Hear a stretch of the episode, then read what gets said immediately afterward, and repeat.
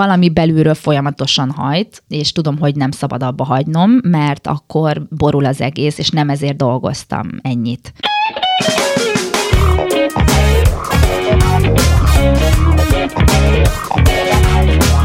Podcasta.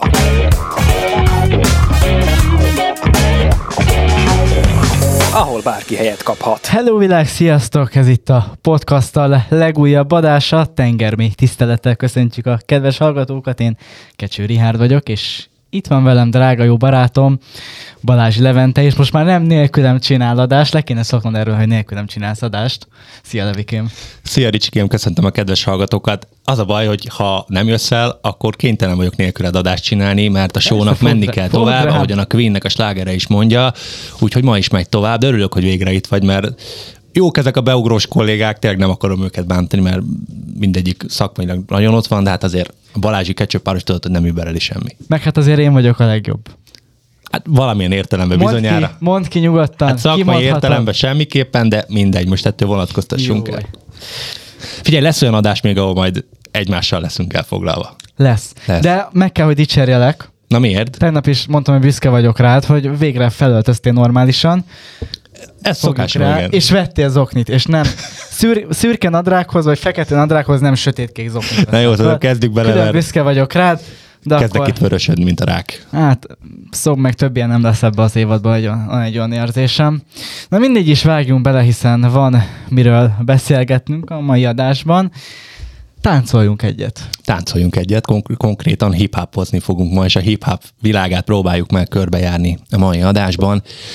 A stúdióban pedig vendégünk is van, Bakos Melinda, a Panic Crew Hip Hop Táncsport Egyesület és Tánciskola vezetője, alapítója, táncos, koreográfus, akit ezúton is köszönünk a műsorban. Örülünk, hogy elfogadtad a meghívásunkat. Sziasztok, nagyon szépen köszönöm a meghívást, és hogy itt lehetek nálatok, és mindenféle érdekes kérdésre fogok majd választ adni a mai napon. Így van. Bízunk benne, Mi... még jól is tudunk kérdezni. Igen, megpróbálunk, megpróbálunk. Belevágunk akkor, jó, Ricsikém? Jó, vágjunk bele, figyelj, én azt mondom. Abban még rossz nem sült ki. Így van. Nyilván, amikor egy témát általában azért körbe szoktunk járni, akkor szeretjük a személyes ambíciókat is egy-egy vendégnél megvizsgálni, hiszen ez fontos ahhoz, hogy egy teljes képet kapjunk arról, hogy miről is fogunk beszélni. Hát nem csak arról egyébként, hanem hogyha egy olyan témánk van, amit nem biztos, hogy sokan is. Ráadásul, igen. Kontextusba helyezni, hogy miről is beszélünk. Úgyhogy inkább kezdjük szerintem azzal, és tegyük rendbe a fogalmakat, hogy Oké, okay, hogy tánc és táncműfaj a hip-hop, de pontosan milyen táncműfaj? Hát a hip-hop stílus az egy urban dance stílus, ami Amerikából jött, körülbelül az 1970-es évektől datálható az, ennek az egésznek az elterjedése, és hál' Istennek Magyarországon is egész hamar beszivárgott ez a stílus. Ugye nyilván itt mindenféle ilyen politikai dolgokat tekintve hozzánk azért kicsit később kerültek át ezek a modern tánc stílusok, főként ugye ez a hip-hop stílus, de, de szerencsére már már nagyon nagy teret nyert. Úgyhogy én azt gondolom, hogy egyre közismertebb, egyre szélesebb körben ismerik, főként ugye a fiatalabb generáció, de e, ilyen régi motorosok is, mint például én már hál' Istennek elég sokat megtudtam erről a, erről a stílusról. Úgyhogy e, első körben ennyit tudok mondani, hogy amerikai vonal mindenféleképpen, de szerencsére ennek nagyon sok ágazata van. Tehát, hogyha tényleg itt az urban dance stílust nézzük, akkor nagyon-nagyon sok e, válfaja van ennek az egésznek, tehát ezt az egész hip-hop kultúrát nem úgy kell elképzelni, hogy van a hip-hop és kész, hanem azon belül is, ha mondjuk a táncstílusokat nézzük, ide sorolható akár az old school hip-hop tánc, amiből ugye természetesen nagyon-nagyon sok mozdulatot a mai nap is használnak, vagy mai napig használnak, hiszen ebből a régi iskola, ugye neve is mondja, nagyon sok olyan, olyan dolog született, amit, amit tényleg akár a, a most divatos TikTok táncokba is visszahoznak, folyamatosan koreográfusok is használják ezt a stílust. Ezen felül a breakdance is ide sorolható a hip-hop tánc stílus alá, illetve a popping, locking, illetve vogue, fem és wacking stílusok, de ezek, ezeken felül természetesen nagyon sok ilyen kisebb válfaja van még a hip-hopnak, ezekről is rengeteget tudnék még mesélni, de főként ezek azok az alappillérek, amikre az egész hip-hop stílus épül, Mindemellé meg természetesen egy akkora hip-hop kultúra, mind ruházatilag, mind zenében párosul, ami, ami nagyon-nagyon meghatározó. És ha mondjuk egy egy jelzőt kellene ráhúzzak a hip-hopra, akkor úgy tudnám jelezni, jellemezni, hogy ez egy laza táncstílus főként. Természetesen innen-onnan meg lehet ezt még vétózni, de, de főként a laza táncstílus a hip-hop.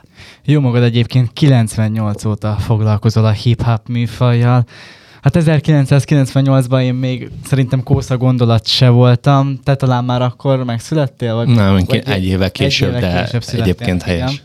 Szóval, hogy mikor mi már megszülettünk, akkor te már javába benne voltál ebbe a műfajba. Hogy kerültél kapcsolatba egyébként? Hát ez egy nagyon régi történet, igen, mint ahogy említetted is, hogy 98-ban kezdtem ö, megismerni ezt a táncstílust, és azért az picikét téves, hogy, hogy 98-ban már javába benne voltam, én azt gondolom, hogy akkor kezdtem el így megízlelni ennek az egész világnak a, az ízét. Annyit kell erről tudni, hogy azokban az időszakokban nagyon más vonalat nem láttunk magunk előtt, ami a hip-hop stílust érinti, mint a Zoltán Erika által képviselt ö, táncstílust, illetve hip-hop vonalat, hiszen nála volt egy, egy olyan lehetőség az akkori fiataloknak, hogy táncolhassanak ebben a stílusban. Személy szerint én nagyon nem is nagyon ismerek olyan tánciskolát, akik amúgy még mellette ezzel foglalkoztak, tehát mindenféleképpen az Zoltán Erika nevét tudnám kiemelni akinél én személy szerint 98-ban kezdtem, személy szerint nem nála, hanem egy oktatójánál, de de akkor kezdtem el meg, megismerni ezt a stílust, és ott három évig táncoltam, de hát mondhatom már, ez már korábban indult ez a szerelem nálam, csak hát a szülők nem igazán engedték, hogy, hogy táncoljak abba az időszakba, tehát mindenféleképpen korhoz kötötték nálam ezt a dolgot, 14, 13-14 éves kor, kor be kellett töltsem, és akkor onnantól kezdve engedték, hogy menjek sportolni. Nem akarták, hogy, hogy hogy nagyon elkallódjak így a táncvilág által. Ők, ők ezt egy ilyen... Kicsit, mondhatni, bocsánat, züllött világnak így tartották? Van, így van, egy picit züllött világnak tartották, úgyhogy, úgyhogy féltettek egy picikét, hogy bele fogok kóstolni, na és akkor nagyon el fog engem ez a dolog vinni, utcagyerek leszek, stb. stb. De szerencsére ez nálam máshogy csapódott le. Igen, mert hogyha belegondolunk, azért a hip-hopra nagyon az a köz tudat és az a közmondás arra, hogy, hogy nagyon így az utca gyerekei akik ezt a műfajt űzik, és akik ezt csinálják. Igen, meg De lehet, hogy ez azért is van, mert vannak olyan filmalkotások, ahol ugye azt láthatjuk, hogy egyes csoportok így az utcán teljesen a semmiből elkezdenek Jó, hát egymással. Nem kell kiindulni. Hát vannak azon kívül más filmek is nyilván, de ez persze valamilyen szinten azért torzít, meg rá is játszik ugye a film kedvéért. Azért is fura egyébként ezt mond, hallani, hogy kvázi ugye az elején volt egy ilyen óckodás, hogy ebbe a videóba induljál, hiszen azért itt látva a későbbi pályád alakulását, azért igencsak sok mindent sikerült kipróbálni ezen műfajon belül, hiszen videoklippekben is szerepeltél táncosként, televíziós műsorokban vehettél részt, és például a 2000-es évek elejének egyik legnépszerűbb hazai zenekaránál, a Noxnak az egyik háttértáncosa voltál, ha jól tudom, talán az Időn túl című albumnál, de talán sokan emlékeznek még az együttesre. Ezek a szerep... lehet emlékezni? Te is tudod, hogy ki az? A Nox? Hogy ne tudnám? Azért nem vagyok olyan fiatal. Jó, jó, jó, jó. Ez most kicsit meg vagyok lepő, de mindegy, nem, nem gondoltam volna. Ide fel gondolkoztam egyébként rajta, hogy tudod-e, hogy ki az. De hát akkor tök jó. megválaszoltam a kérdésedet. Ezek után 2012-ben alakult meg a Panic Crew, ugye a saját tánciskolád, kicsit beszéljünk arról, hogy milyen utat kellett bejárni a megalapításhoz, és egyáltalán miért érezted úgy, hogy egy saját iskolát szeretnél alapítani? Mi az, amit esetleg mondjuk más egyesületekben oktatóként úgymond nem tapasztaltál meg, vagy úgy érezted, hogy bizonyos szinten meg voltál kötve? Húha, ez egy nagyon, nagyon ö, fura kérdés, de természetesen szeretnék rá válaszolni, mert nyilván már az évek alatt megfogalmazódott bennem a válasz erre a kérdésre, hogy miért is döntöttem úgy 2012-ben, hogy szeretnék egy saját vonalon elindulni. Őszinte leszek, az akkori tánciskola, ahova tartoztam, illetve egy korábbi tánciskola, ahova tartoztam, ott nekem a, a, a főnök úrral megromlott egy picikét a viszonyom, és, és még ettől függetlenül bennem élt az a vágy, hogy, hogy szeretek, imádok táncolni, szeretek oktatni, koreográfiákat készíteni, olyan produkciókat a színpadra helyezni, amik, amik adnak valamit a nézőknek is, mindazon, mindazok felett, hogy ugye a, a tanítványoknak is ad egyfajta élményt, és és ez a része belőlem így nem nagyon veszett ki, de mégis, amikor egy-egy táncórára annó bementem, azt éreztem, hogy, hogy ez, ez egyre visszább megy bennem. Tehát, hogy kezd kihújni ez a láng. Ö, és és úgy voltam a nagy kérdés előtt, hogy na hát akkor hogyan tovább, amikor azt éreztem, hogy megrekedtem lelkileg is, meg, meg szakmailag is, pontosan emiatt az ellentét miatt, ezért hát erre az elhatározásra jutottam, hogy mindenféleképpen szeretném ezt folytatni, tehát nem tudnék egy, egy ABC-be eladóként napi szinten egy kicsit, hogy mondjam, egy, egy ilyen robotabb munkát végezni, ami, tehát ezekkel a szakmákkal sincsen amúgy semmi probléma, csak saját magamon nem érzem azt. Az alkotó energia az tombol, mondhatjuk akkor így. Így van, tehát az alkotó energiát azt mindenféleképpen szerettem volna továbbvinni, tehát ezért döntöttem úgy, hogy akkor marad ez a tánciskola vonal, és bármennyire is nehéz lesz, megpróbálok belevágni, Ö, nagyon féltem természetesen, hogy akkor milyen következményei lesznek ennek, hogy én most egyedül vágok ebbe a történetbe bele, de, de amit te is említettél, hogy, hogy voltak olyan példák, amiket tudtam, hogy nem szeretnék követni, vagy amikből szeretnék tanulni, és azt a saját kis tánciskolámban nem elkövetni, vagy legalábbis próbálom, próbáltam afelé vinni, hogy, hogy okosan és, és megfontoltabban döntsek bizonyos kérdésekbe, akár tánciskola vezetés szempontjából, akár a táncórán való ö, megjelenés, vagy felkészültség, vagy, ö, vagy viselkedés szempontjából. Úgyhogy, úgyhogy igen, próbáltam egy, ö, egy olyan olyan stílust kialakítani a tánciskolában, vagy a táncórákon, ami, ami én vagyok, ami egy olyas, olyasmi tapasztalat, ami, ami egy picikét több annál, mint amit én előtte tanultam, vagy amit láttam és ezt próbáltam belevinni a, a táncórákba. Nyilván ö, az embernek folyamatosan tanulnia kell ezt a szakmát is, tehát ö, mint ahogy minden egyes évben meg kell újulni, ö, minden egyes évben ö, új koreográfiákat kell a színpadra kiállítani, ezért ö, ö, én azt gondolom, hogy hogy ezt a szakmát is folyamatosan tanulni kell, és meg, meg kell újulni, az ember követel hibákat folyamatosan, de ezeken próbálok én is napi szinten javítani és fejlődni. És hát ahogy haladunk egyébként, ugye a korral azért a zenei stílusok is változnak, hogy mikor milyen zene éppen az, ami pörög, felkapott, milyen szavakat használják, attól függ. Igen, és ugye ráadásul ugye azt tudni, igen. igen. Azt ugye tudni kell, hogy ugye ez korosztályfüggő is, hogy mik azok a zenék, amik ugye igazán népszerűek, hiszen ezt lehet tudni, hogy a Penny Club jelen pillanatban gyerek, junior, illetve felnőtt korosztályok vannak, a szintek pedig kezdő, középhaladó és haladó e, szintek, illetve e, ezeken lehet végighaladni a ranglétrán. Jelenleg lehet tudni, hogy nyolc oktató foglalkozik veled együtt a gyerekekkel. Körülbelül hány növendéke van most a tánciskolának? Nagyságrendileg pont tegnap kezdtem el összeszámolni, mert feltették nekem a nagy kérdést családon belül, hogy kb. most, szám szerintem ennyien vagyunk. Én azt gondolom, hogy ez a vírus helyzet eléggé megcsapta a, a létszámot, de nem csak nálunk már, bármelyik tánciskolát ö, említhetem, ö, mindenhol volt nagyon nagy lemorzsolódás a vírus miatt, motivációhiány, érdektelenség, ö, más sport miatt kezdtek el ugye úgymond, vagy más sport felé kezdtek el nyitni a gyerekek. Én most per pillanat egy 200 200-230 főt számoltam össze.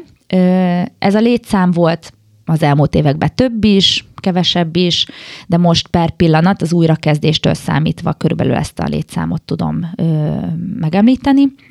Ugye természetesen azon vagyunk, hogy az összes csoportunkat maximalizáljuk létszámilag, hogy hatékony legyen egyrészt, Nyilván nagyon jó leső az, amikor két-három gyerkőc bent van az órán, és nekik is tudunk személyre szabottan adni élményt, de minket oktatókat is sokkal jobban motivál és előrébb visz, hogyha egy, egy nagyobb létszámú csoporttal foglalkozunk, és éppen ezért is szeretnénk hangulatában és mindenhogyan úgy felhozni a, a létszámot, hogy, hogy az mindenkinek jó legyen.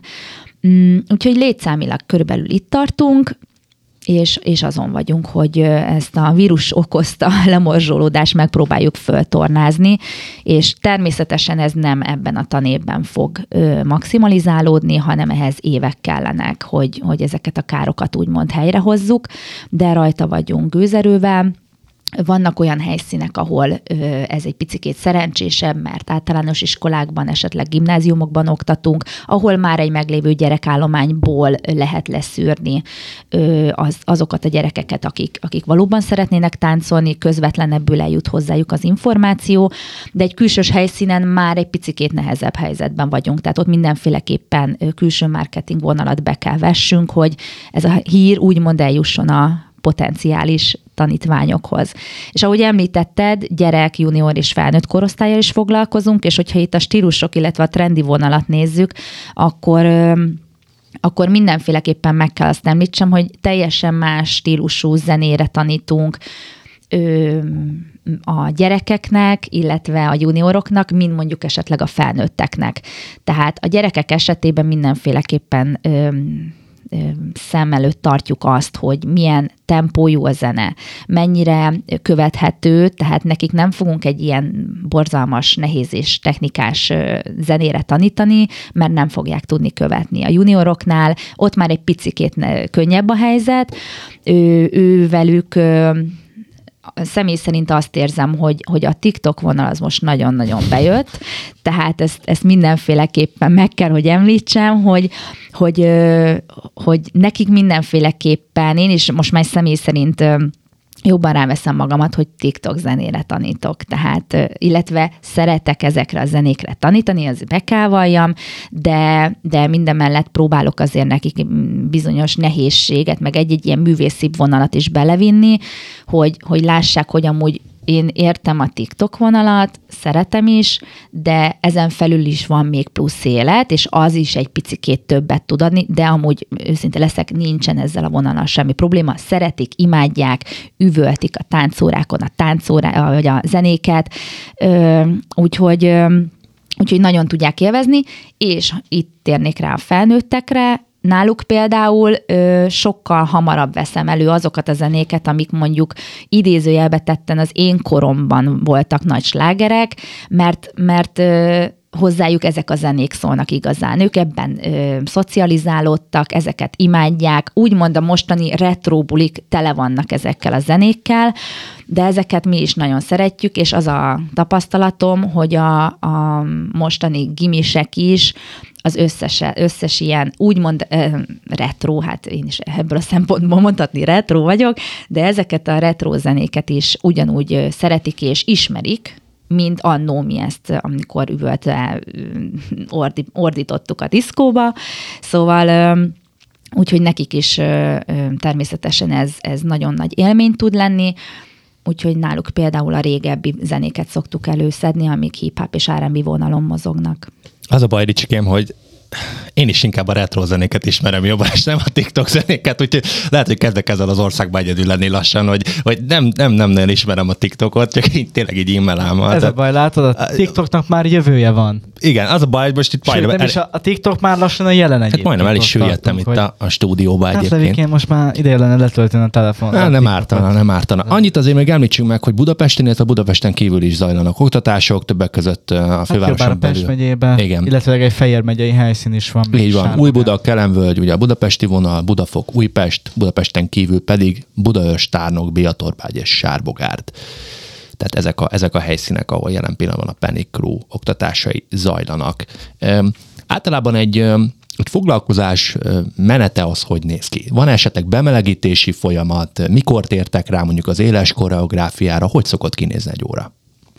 Hogyha teljesen a nulladik perctől nézzük, hogyha egy 60 perces kis táncórát nézzünk, akkor természetesen attól is függ az egész, hogy milyen szintű koreográfiát, vagy milyen szintű csoporttal foglalkozunk, foglalkozunk, akár életkori szintről is beszélhetünk itt, de mindenféleképpen bemelegítéssel kezdünk.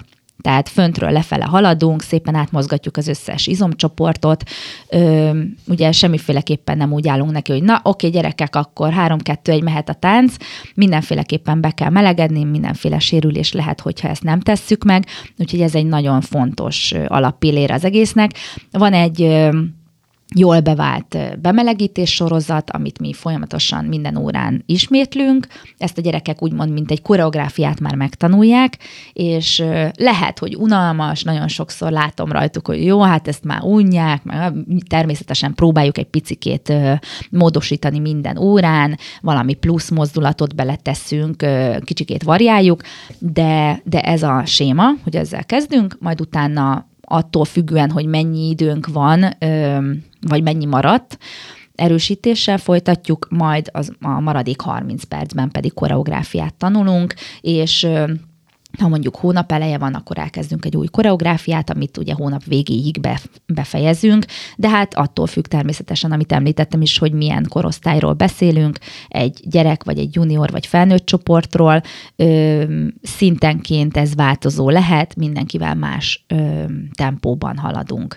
Tehát van olyan csoportom, aki egy mm, egy óra alatt, vagy egy 60 perces óra alatt megtanul egy egyperces koreográfiát, ami sok, soknak számít, de vannak olyan órák, amikor annyira fáradt mindenki, és úgymond idézőjelbe tettem pihentagyú, hogy egyszerűen nem lehet őket két nyolcadnál többel traktálni, hanem, hanem olyankor gyakorlással próbáljuk elütni az időt, természetesen gyerekeknél játékkal szoktuk befejezni a táncórának a végét, hogy legyen egyfajta ilyen élvezet is a végén, és hát természetesen a matrica osztás az nem maradhat el az óra végén, úgyhogy azt már szinte... De nyugtass meg, hogy az a felnőtteknél is van. Amúgy vicces, mert pont az elmúlt hetekben volt, volt egy olyan eset, hogy meglátták nálam a felnőttek a matricát, hogy úristen, abból mi kaphatunk? Mondom, természetesen, persze, kap, és e, rendesen, esküszöm, sokkal jobban örültek neki, mint a gyerekek, úgyhogy nyilván nyilván őket is lehet ezzel motiválni, de hát a gyerekeknél ez egy ilyen ajándék a végén, amiért úgymond megéri küzdeni minden egyes alkalommal, és amikor meg nincsen matricaosztás, akkor tudják, hogy hát itt most nem voltak annyira jók, és akkor következő órára jobban összeszedik magukat, úgyhogy nem azt mondom, hogy, hogy ezzel kell büntetni, hogy, hogy nem kapnak matricát, de, de ez egy nagyon jó motiváló nekik. Tehát, hogyha nem tudom, ti annó mit gyűjtöttetek, volt-e matrica albumotok, vagy bármi, vagy kártya, de, de náluk is a, a mi tanítványainknál ez egy ilyen kis alappillér, hogy ú, hát akkor itt matricát lehet gyűjteni, ez mennyire jó buli, mindazonáltal, hogy jó érzik magukat a, a táncórán. Szigorú vagy, mint oktató?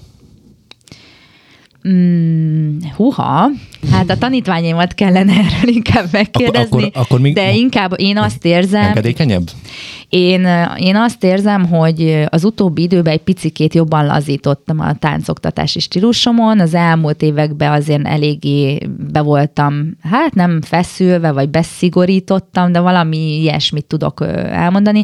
Ez, ez amúgy nagyon sokszor attól is függ, hogy, hogy van-e, van-e valami közelgő esemény, mert hogyha egy gálára, egy versenyre készülünk, akkor nyilván, ahogy közeledik az időpont, a bemutatónak az időpontja, én egyre feszültebb szoktam lenni, mert hát sajnos, nem sajnos, én maximalista vagyok, nagyon sok mindenben, ebben is, és és, és ezt néha rá szoktam nyomni a tanítványaimra is, és a tanáraimra is. Ez most hol jó, hol nem jó, mert amúgy ők tudják, amikor van egy gála, vagy egy, egy tényleg egy verseny, akkor, akkor tudják, hogy olyankor, ha mondok valamit, akkor nagyon oda kell figyelni, és, és akkor nincsen appelláta. Úgyhogy mondhatom azt, hogy igen, szigorú oktató vagyok, de de nyilván sokszor mostanában már engedékenyebb. Ezt azért is kérdeztem, bocsáss meg, Ricsi, tudom, hogy már szeretnél tovább menni, de mert ugye nagyjából volt lehetőségem belelátni például a a művészi táncok világába, akár mondjuk a balett frontján, hogy azért ott alapvetően ugye egy nagyon-nagyon kemény, feszes hangulat szokott uralkodni. Persze nyilván ugye ez is oktatótól, illetve tanártól vagy mestertől függ, de alapvetően mondhatjuk azt, hogy az lényegében a tánc egyik magas iskolája. Nagyon sokan azt mondják, hogy lényegében a, az egész mozgáskultúra, tánckultúra alapja az valamilyen szinten ugye oda, onnan gyökeresztethető, hogy emiatt is kérdeztem azt, hogy alapvetően azért a hip-hop egy kicsit talán ránézésre legalábbis laikusként ugye egy szabadabb, könnyedebb műfajnak tűnik. Persze nyilván ezt megélni adott esetben belülről egészen más, és hogy ennek fényében voltam igazából arra kíváncsi, hogy, hogy akár a művészi táncok világával, ahol azért tényleg mondhatni, hogy hálátlan dolgok is megjelennek adott esetben, rengeteg lemondás, stb., hogy mennyire van átmenet a kettő között, vannak-e hasonlóságok? Akár a balettal összehasonlítva, vagy mondjuk a társas tánccal? Van hasonlóság, igen, bár az én szemembe egy balett vagy egy, egy klasszikusabb vonal még még az én szemembe is egy picikét följebb, magamnak én feljebb helyezem azokat a stílusokat, de, de azt gondolom, hogy ez abszolút oktatótól függ. Tehát a, a klasszikus vonalnál én is azt érzem, amit te említettél, hogy van egy feszesség, van egy, egy határozottság, egy szigor ebben az egészben, és, és ott, ott minden a helyén van nincs olyan, hogy, hogy, hogy hiba. Mert hogy a helyén is kell, hogy legyen, Így ez van. is van elvárva. Így van, ez van elvárva, de, de ettől lesz profi valami. És nem nagyon ismerek olyan klasszikus oktatót, aki, aki nagyon lazán kezelni a dolgokat. Lehet, hogy magánéletben egy laza ember, de amint belép a négy fal közé a táncterembe, onnantól kezdve ott mindenki vigyázba vágja magát. Természetesen, amit említettél szintén, a hip-hop stílus egy kicsikét lazább és kötetlenebb, mint egy klasszikus vonal, de mondom, oktató kérdése, mert oktatótól függ, hogy ki hogy áll ez az egész dologhoz hozzá. Amikor egy workshop van, amikor úgymond nincsen tétje az egésznek, akkor, akkor nyilván mi oktatók is a hip-hop stíluson belül szabadabban és lazábban kezeljük az egészet, és nagyon-nagyon jó hangulat tud uralkodni egy-egy ilyen jellegű táncórán, egy tánctáborba. Ezért is szeretjük ezeket a rendezvényeket, amikor úgymond nincs tétje az egész egésznek csak érezzük jól magunkat, de amikor érezzük azt, hogy jó, most akkor egy versenyre kell készülni, vagy fellépésre, és tudjuk, hogy van tétje, akkor már sokkal jobban előjönnek ezek a klasszikus szigorítások, mint akár egy ilyen klasszikus balettoktatónál. Ugye említetted még az elmúlt éveket is, hát ugye bele kell venni azt, hogy koronavírus is volt. Pont majd, amikor jöttem idefele, ugye ez az adás november második hetébe jön ki. A felvétel napja az november 2 most, és ugye tegnap jött be az a törvény, hogy mostantól a tömegközlekedésen maszkot kell hordani. Nagyon furcsa is volt reggel, amikor jöttem. Ó, ne is mond. Tegnap otthon voltam egész nap. Talán mentem dolgozni, azt mint hogyha valami más világba csöppentem Hát én nem, nem voltam sehol, otthon voltam, pihentem. Ma viszont reggel, mikor elindultam, fölvettem a maszkot, és megint bepárásodik a szemüvegem, nem kapok levegőt, nem hiányzott már ez, meg úgy ez az egész, na mindegy, ne is menjünk bele. Minek hordasz szemüveget? Hát eleve itt kezdődik ez egész, jó van, nem cseszegetlek. Ez most ez egy olyan kérdés, hogy te rajtad meg miért van ink? Tehát hát, most, na, muszáj. Hülye kérdés, mi a válasz. Jó, van, mindegy is, tudod, hogy szeretlek. A koronavírus, azt tudom, csak nem mondom, hogy én is. Szóval, koronavírus, ha már úgyis a csapból is ez folyik, hogy tudtátok megoldani az, hogy legyenek táncórák, ugye, mert nem lehetett nagyon bejárogatni, karantén, nem voltak nyitva a iskolák, vagy az adott helyszínek nem volt lehetőség táncórákra IRL megtartani való, tehát face-to-face megtartani ezeket, de otthonról mégis volt rá lehetőség. Igen, és ráadásul, bocsánat, említsük még meg, hogy nektek 2013 óta van egy elég nagy létszámú nyári táborotok is mezőkövesten, a Panic Crew Summer Camp, ahol igen nagy létszámban szoktak gyerekek jelen lenni, egészen kiskortól kezdve gyakorlatilag a, a nagyobbakig. Tényleg, ahogy, ahogy Ricsi sem, tehát hogy lehetett ezt átviselni, ezt az időszakot? Tart még ez? Ez az átvészelés? Az átvészelés abból a szempontból tart, hogy most a károkat próbáljuk helyrehozni, amit a vírus okozott, illetve a nagy létszámlemorzsolódás. Nyilván az elmúlt két évünk az arról szólt, hogy megpróbáltuk foggal körömmel megtartani azokat a tanítványokat, akik eddig hozzánk tartoztak és, és megtiszteltek minket azzal, hogy bejártak a táncóráinkra, de itt most egy teljesen új helyzettel ö, álltunk szembe, egy olyan, olyan dologgal, ami, ami új volt mindenki számára, nem csak nekünk, más tánciskolának is. És, és ott álltunk annó március 10, fú, nem is tudom, hogy mikor 14-én volt, azt hiszem, igen. 15, valami ilyesmi. Igen, a, a tévé előtt, hogy hát akkor hogyan tovább? És egy óriás kérdőjel, és én egy ilyen kényszer egyhetes pihit kértem a tanítványoktól is, hogy egyáltalán kitaláljuk, hogy na hát akkor ezt hogy lehet ezt a helyzetet megoldani, úgy, hogy ráadásul nálunk online oktatás, mint olyan, így az éterben még sosem volt. Úgyhogy, úgyhogy mi ezt még egyáltalán nem alkalmaztuk az elmúlt években, illetve azelőtt, úgyhogy nagyon gyorsan megpróbáltuk kitalálni, hogy hogyan tovább elkezdtünk videókat fölvenni, bemelegítés sorozatokat, erősítéseket, koreográfiákat, koreográfusonként, tehát, hogy nekem személy szerint van x darab csoportom, és nekik egyesével mindenkinek föl kellett venni. Majd aztán rájöttem személy szerint, hogy nekem ez így nem fog működni, jobban preferálom azt, hogyha ez így élőben működik, és akkor vagy egy Zoom meetingen keresztül, vagy egy Facebook live-on keresztül sikerült megtartani ezeket a táncórákat, de nem mindegyik oktatóm volt ennyire szerencsés, hogy a tanítványait meg tudta úgymond tartani. Tehát voltak sajnos olyan helyzetek, olyan helyszínek, ahol sajnos nem volt, nem volt uh, már alapból egy olyan, olyan ember létszám, akikből meg lehetett volna tartani X embert, úgyhogy uh, nagyon sok helyszínen úgy döntöttünk, hogy se az oktató kedvét nem szeretném elvenni azzal, hogy ugrabugráljon egy, egy laptop előtt, kettő gyerkőc miatt, annak ellenére, hogy imádjuk a gyerekeket, mégis azt éreztem, hogy ezzel nem tudom motiválni az oktatómat se, hogyha úgymond fölöslegesen ö, kell készülni a táncórákra, úgyhogy volt egy csomó olyan helyszínünk, amit ideiglenesen megszüntettünk, ott online oktatás sem működött. Ezeknek a tanítványoknak felajánlottuk, hogy természetesen más oktató óráira bejárhat online, de, de ez többnyire nem működött, tehát neked is, hogyha elmész egy edzésre, akkor, ö, akkor te az oktatóhoz vagy lojális, őt szereted, őt kedveled, a csapattársaidat kedveled, ö, nyilván hozzájuk ragaszkodsz, és nem biztos, hogy húzamosabb ideig úgymond kíváncsi vagy egy másik oktatóra, annak ellenére, hogy lehet, hogy tiszteled azt a másik illetőt, éppen ezért nálunk például ez, ez főként a kezdőcsoportokra volt jellemző, hogy ezek többnyire nem működtek. Úgyhogy ott, ott be kellett úgymond fagyasztani a helyszíneket és az oktatást, Úgyhogy volt két kötője, három olyan helyszínünk, ahol szerencsére folyamatosan ment, illetve inkább azt mondom, hogy ez most nem helyszínhez köthető, hanem oktatóhoz köthető az online térben.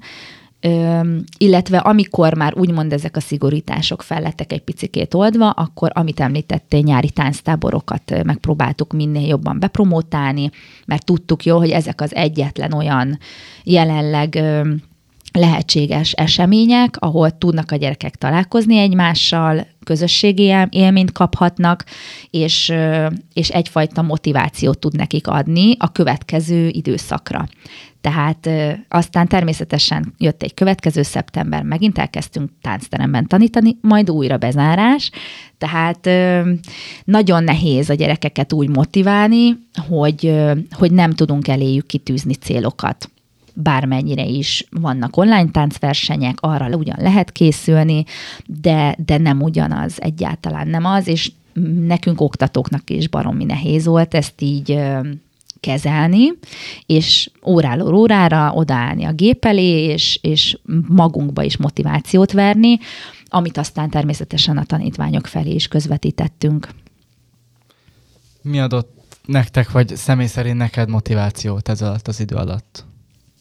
hát a magamba vetett hit, inkább azt mondom. Ez, ez adott motivációt, meg nem tudom, hogy én miből vagyok, tehát valószínűleg valamilyen túlélő csomag van a, a hátamon, de, de valami belülről folyamatosan hajt, és tudom, hogy nem szabad abba hagynom, mert akkor borul az egész, és nem ezért dolgoztam ennyit.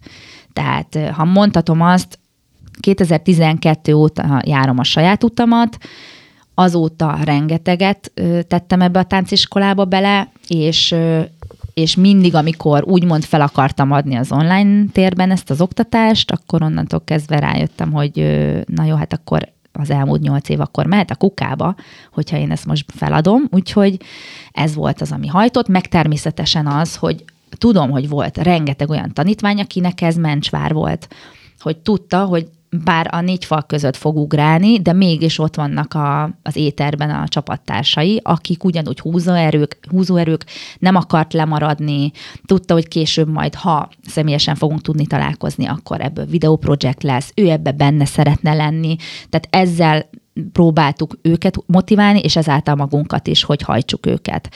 És én nagyon örülök, hogy végül kitartottunk, és nagyon-nagyon bízom benne, hogy nem kell még egyszer az online oktatásra visszatérni ilyen szinten, mm, mert, mert baromi nehéz és már nagyon sokszor hallottuk a tanítványok szájából is, hogyha még egyszer lesz online oktatás, akkor ők ezt már nem biztos, hogy végig tudják csinálni, amit személy szerint tényleg őszintén mondom, hogy megértek. Így az adás vége fele közeledve tekintsük így kicsit előre, így a jövő fele. Mik így a közeljövőbeli célok, illetve így a hosszú távú célok? Akár személy szerint, akár a Penny Crew-nál. A közelben lévő célok inkább, amit már említettem, hogy a károk helyrehozása, a létszámoknak a feltornázása csapatonként, illetve végre már szeretnénk ugye gálákat tartani, olyan rendezvényeket tartani, amik eddig megszokottak voltak, amiket nagyon-nagyon szerettek a gyerekek és a szülők és hozzátartozók, és természetesen szeretnénk visszatérni a versenybe, versenyzésbe is. Ugyan vannak már táncversenyek, de de ö, ezek még... Nem ugyanaz még. Így van, még nem, még nem ugyanaz. Tehát voltunk olyan táncversenyen, ahol több ezer versenyző volt, ö, hatalmas hangulat, és tudom jó, hogy a táncverseny szervezők is küzdködnek most ezzel a jelenséggel, hogy hogyan bátortalanak még a, a táncosok, az edzők, beleértve engem is, mert még nem volt elegendő időnk arra, hogy, hogy élőben találkozunk a gyerekekkel, és rendesen fel tudjuk őket készíteni. Erre ti készültök tudatosan? Mentálisan? Tehát akár saját magatokat, oktatókat felkészítitek erre a, a, a jelenségre, hogy még ez nem az, ami lenni szokott, illetve hogyha azon túl, hogy ti személyesen készültök erre, a tanítványok felé ezt hogyan lehet kommunikálni? Megfelelő módon, hogy ők, eze, ők is ezt valahogy föl tudják dolgozni, hogy még, még ez nem az, ami, ami, ami, ami lehetne, vagy ami lenni szokott. Hát természetesen próbálunk nekik támpontokat adni. Most azért picikét én bizakodóbb vagyok.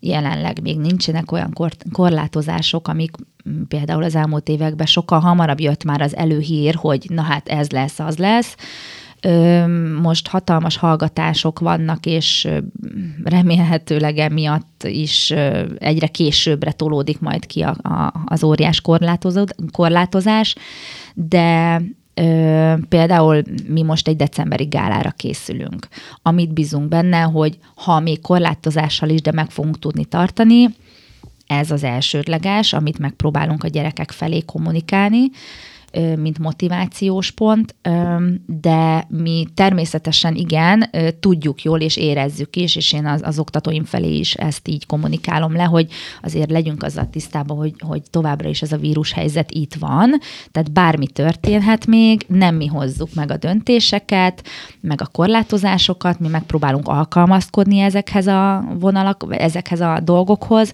de de, de tudjuk jól, és érezzük természetesen, hogy ez még nem az a száz százalék, amit, amit mi tudnánk nyújtani a tanítványok felé, de igyekszünk nagyon, és ezzel leszünk a közeljövőben is. Zárójeles megjegyzés, a gálához nagyon tudok ajánlani kettő profi műsorvezetőt. Ez már csak tényleg a zárójel volt. Igen, igen, igen. Észben tartom. Kettőt, ke- kettőt belőlem, nem, Ricsikém? Melinda, nagyon szépen köszönjük, hogy itt voltál, és egy kicsit be, belátást nyertünk a, a hip-hop műfajába. Nagyon sok sikert kívánunk nektek, és nagy kitartást ehhez az időszakhoz, hiszen ez nektek sem egyszerű. Mi újságíróként azért könnyen megírjuk, hogy ah, hát ekkora ilyen korlátozások, meg olyan korlátozások, aztán sokszor bele se gondolunk egyébként. Be, azért bele szoktunk gondolni, hogy azért ez, Beleszoktunk azért ez, persze. ez, ez azért ez borzasztó. Ricsikén, megengeded, hogy ma elköszönjek én? Ha már te köszöntél be? Miatt figyelj, én lekeverem magamat, jó? Jó, nagyon szépen köszönjük a kedves hallgatóknak a figyelmet. Javasoljuk, hogy ha tetszett az adás, akkor lájkolják a podcast a Facebook oldalát, kövessenek be minket Instagramon, TikTokon, és jelen vagyunk. Van egy honlapunk is, ami a www.podcastal.wordpress.com néven fut. Hallgassátok vissza a Spotify-on a korábbi adásainkat. Mindenkinek kellemes időtöltést, jó pihenést kívánunk, szép estét, szép napot, szép hetet, attól függően, hogy mikor hallgattok bennünket. Sziasztok! Tanulsz tőlem, Levikém. Sziasztok. Próbálkozom. Jó Sziasztok. pihenést.